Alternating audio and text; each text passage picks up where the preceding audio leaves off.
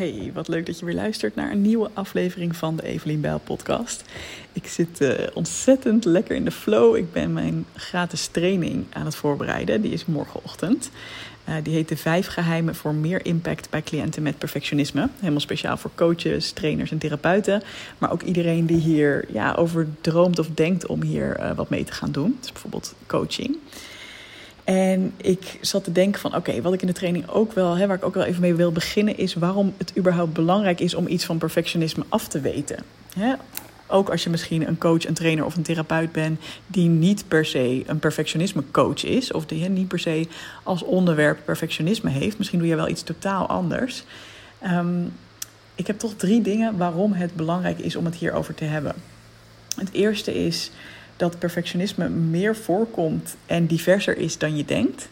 In een eerdere, eerdere aflevering noemde ik ook al de verschillende typen perfectionisten. Dus als jij iets doet met mensen en je merkt dat ze bijvoorbeeld heel erg last hebben van uitstelgedrag. Dus stel jij geeft een bepaalde training of jij wil mensen stimuleren om een bepaalde gedragsverandering te maken. En jij merkt dat ze heel erg tegen uitstelgedrag aanlopen. Dan is het al heel relevant om iets te leren over perfectionisme. Want heel vaak zit daar de angst onder om niet goed genoeg te zijn en om het niet goed te doen. En gaan mensen daarom niet in beweging komen. Nou, dat is één ding. Maar het kan ook bijvoorbeeld zijn, um, je denkt nu misschien, ja, perfectionisten, daar heb ik niet zoveel mee te maken. Of daar heb ik zelf geen last van, want uh, ja, ik weet wel dat ik mijn werk niet perfect hoef te doen en mijn cliënten weten dat ook wel. Maar perfectionisme kan ook emotioneel perfectionisme zijn. Dus hoe um, kijken jouw deelnemers of jouw cliënten of jouw um, coaches naar het maken van fouten, naar um, als zij bepaalde emoties hebben die niet perfect zijn. Dus bijvoorbeeld als ze zich negatief voelen, hè, dus uh, verdrietig, boos, uh, als het allemaal niet snel genoeg gaat, als ze onzekerheden hebben, als ze zich gestrest voelen, als jouw cliënten of jouw deelnemers daar echt wel tegenaan lopen en zich dan heel erg veroordelen, dan is dat ook een vorm van perfectionisme. En dat kan ook voor jezelf gelden. Hè? Als jij in jouw onderneming of in jouw werk merkt dat je gewoon best wel hard bent voor jezelf wanneer jij je even niet goed voelt, of wanneer er even niet zoveel uit je handen komt als je zou willen, dan is dat ook een vorm van perfectionisme. Dus de eerste reden, um, dus doe er zeker mee aan de training als je een van die dingen herkent. De eerste reden dat het belangrijk is om iets over perfectionisme te leren is: het komt meer voor en het is diverser dan je denkt. De tweede reden heb ik ook al eerder in een podcast benoemd. En dat is, het is gelinkt aan heel veel stressklachten en aan uh, dingen als burn-out. Dus op het moment dat jij hier iets vanaf weet, zeker als jij wel een coach of een therapeut bent, is het gewoon heel belangrijk om gewoon de perfectionist te herkennen. Um, of perfectionisme in al haar uitingsvormen te herkennen, zodat je ook de oorzaak kan aanpakken. Dat je gewoon een van de oorzaken daarvan um, kan tackelen en mensen daarmee kan helpen. En de derde regel, sorry, de derde reden om waarom het zo belangrijk is om meer over perfectionisme te leren is.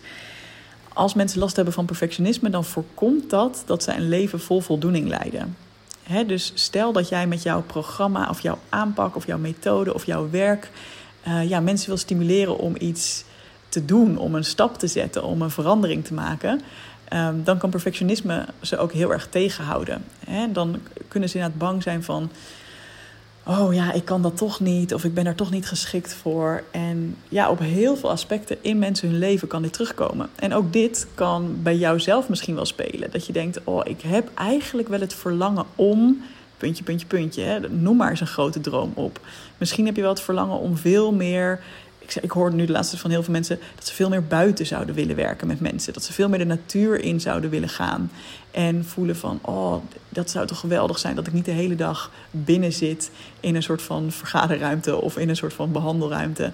Maar dat ik dat zou kunnen doen. Weet je, als je dat soort dromen hebt, dan kan het zijn dat jij nu een overtuiging hebt van, dat is toch niet voor mij weggelegd. Of dat kan ik toch niet. En dat kan ook uit perfectionisme voortkomen. dus ook daarin kan je denken van, oh, maar ik heb het allemaal nog niet perfect in mijn hoofd.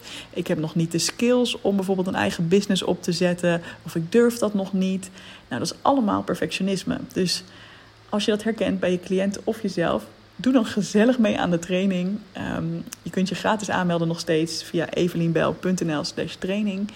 En overweeg ook zeker om in te stappen in de Perfectionisme Coach Academy. Want academie moet ik zeggen. want ehm, die ga ik morgen ook lanceren. En ehm, ja, als je dit herkent, dan, ja, dan is dit een programma waarin ik je helemaal ga begeleiden hierin. Vier maanden lang intensief. Om te leren hoe je hier anders mee om kan gaan. Zowel richting je cliënten als naar jezelf.